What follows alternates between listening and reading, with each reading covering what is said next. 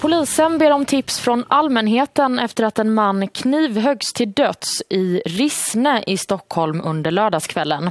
Det var runt halv nio som polisen fick eh, larm om eh, det här mordet. Det ska då ha skett eh, utanför Hemköp i Rissne. Den man som dog i det här dådet ska vara en man i 45-årsåldern. Han fördes till sjukhus efter att han blivit knivskuren men hans liv gick inte att rädda. I början av januari så dödades 45-årige sjubarnspappan Joakim Forsberg vid en bankomat i Rissne utanför Stockholm. Han blev överfallen av en man som ville åt hans pengar. Mannen högg honom även i bröstet flera gånger. Det hela var över på 30 sekunder. Mannen flydde från platsen men Joakim Forsberg dog av sina skador. Några dagar senare greps en 20-årig man misstänkt för mordet. Det visade sig då att han varit på rymmen från rättspsyk i över tre veckor och att han var dömd för ett annat mord 2017. Det sker många mord i Sverige varje år. Ändå sticker det här mordet ut. Hur kommer det sig? Och vad var det egentligen som hände den där januarikvällen i Rissne? Hur kunde den 20-åriga mannen rymma från rättspsyk och vilket ansvar har samhället tagit i den här historien? Det här är Aftonbladet Daily och jag heter Jenny Ågren. Och vi ska gå igenom det här med vår krimreporter Linda Hjertén som börjar med att berätta vad det var som hände. Ja, det var ju en, eh, en händelse som skedde väldigt, väldigt snabbt. Eh, en man, en 45-årig sjubarnspappa, skulle hämta ut pengar vid en bankomat. Hans flickvän satt och väntade på en restaurang i närheten. Och när han ska ta ut pengarna så kommer en eh, ung man bakifrån hotar honom med kniv. Något slags tumult uppstår och han blir knivhuggen flera gånger, den här mannen. Hans, han, han knivhuggs rakt i bröstet och där får han då en dödlig skada som gör att hans liv inte gick att rädda. Och man har sagt att det här händelseförloppet handlar om kanske 30 sekunder. Och vad hände sen? Ja, den här misstänkte gärningsmannen då sprang iväg därifrån från platsen, lyckades bara få med sig offrets plånbok. Och i den plånboken fanns så gott som inga pengar.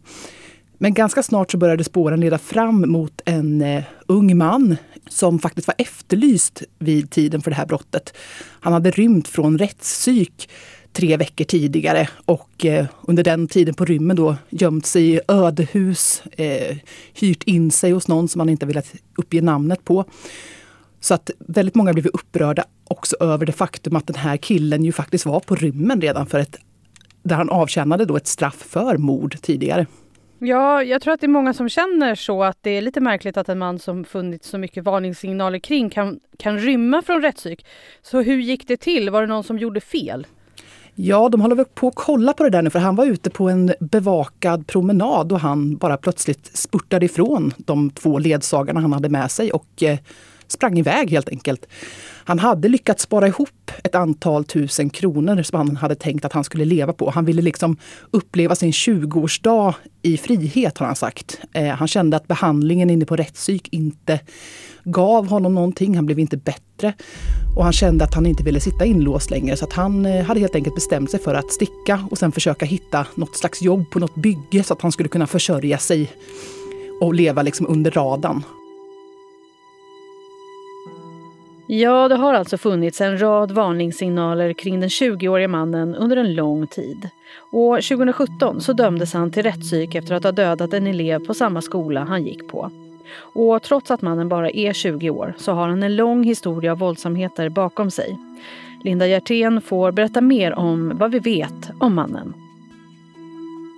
Ja, men vi vet ganska mycket ändå. Det framgår ju rätt mycket ur den rättspsykiatriska undersökningen som har gjorts av honom. Och en rättspsykiatrisk undersökning är ju en ganska omfattande undersökning då man liksom under fyra veckor eh, undersöks av flera olika team. Eh, och i den framgår det att den här killen har haft ett väldigt utåtagerande och våldsamt sätt ända sedan han var litet barn faktiskt. Det var redan på förskolan när han var fyra år så kom de första larmen om att han var aggressiv och våldsam.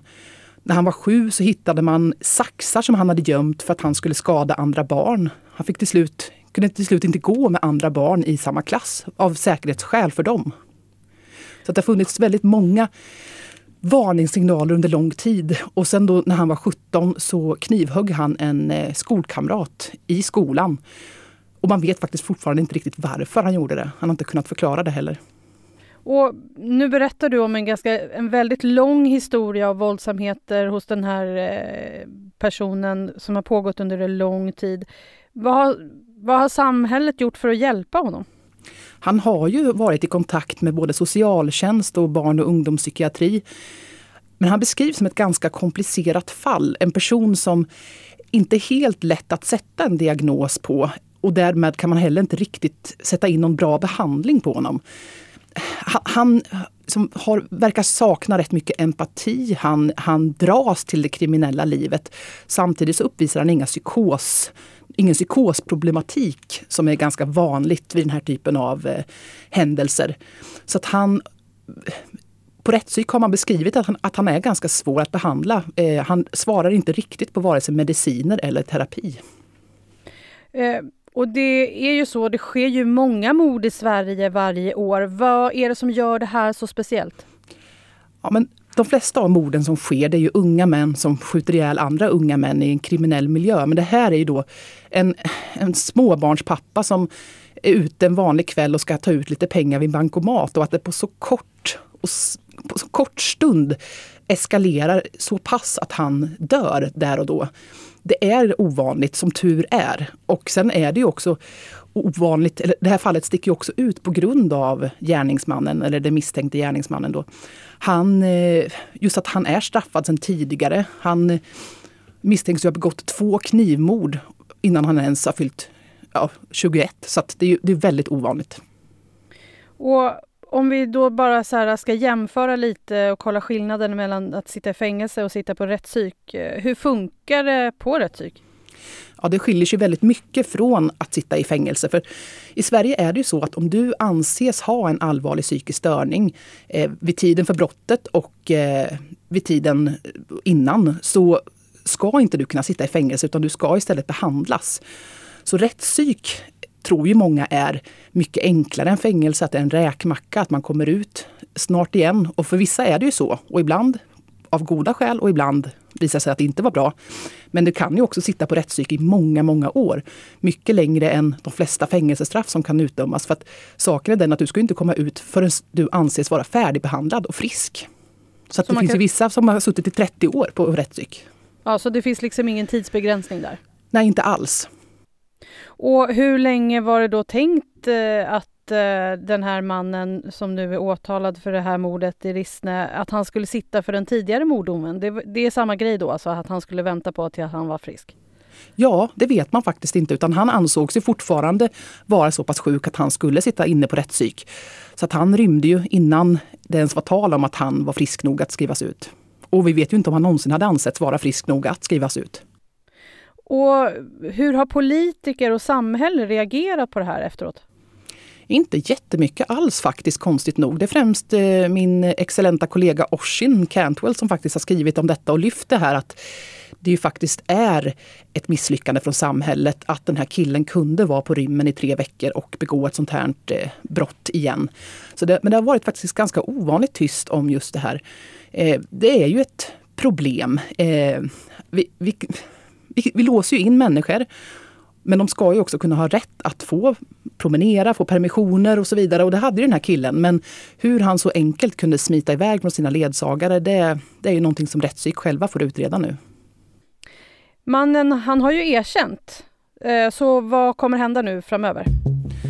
Ja, han har ju sagt att när, vid tiden för den här gärningen så var han hungrig, kall, eh, desperat efter pengar. Han, han, han, skulle råna någon helt enkelt. Han hade inte pengar nog för mat och alkohol och droger som han ville, ville ha.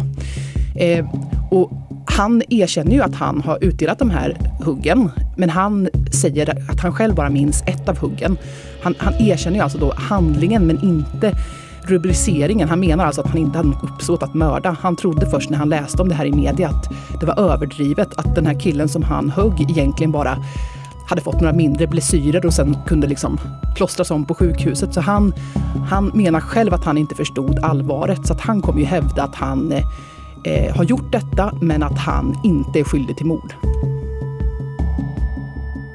Sist här hörde vi Linda Hjertén som är krimreporter på Aftonbladet. Du kan läsa mer om fallet på vår sajt. Rättegången mot den 20-årige mannen förväntas börja inom kort. Jag heter Jenny Ågren och du har lyssnat på Aftonbladet Daily. Podden kommer ut med nya avsnitt på vardagar så följ oss gärna i din poddspelare så hörs vi snart igen. Hej då!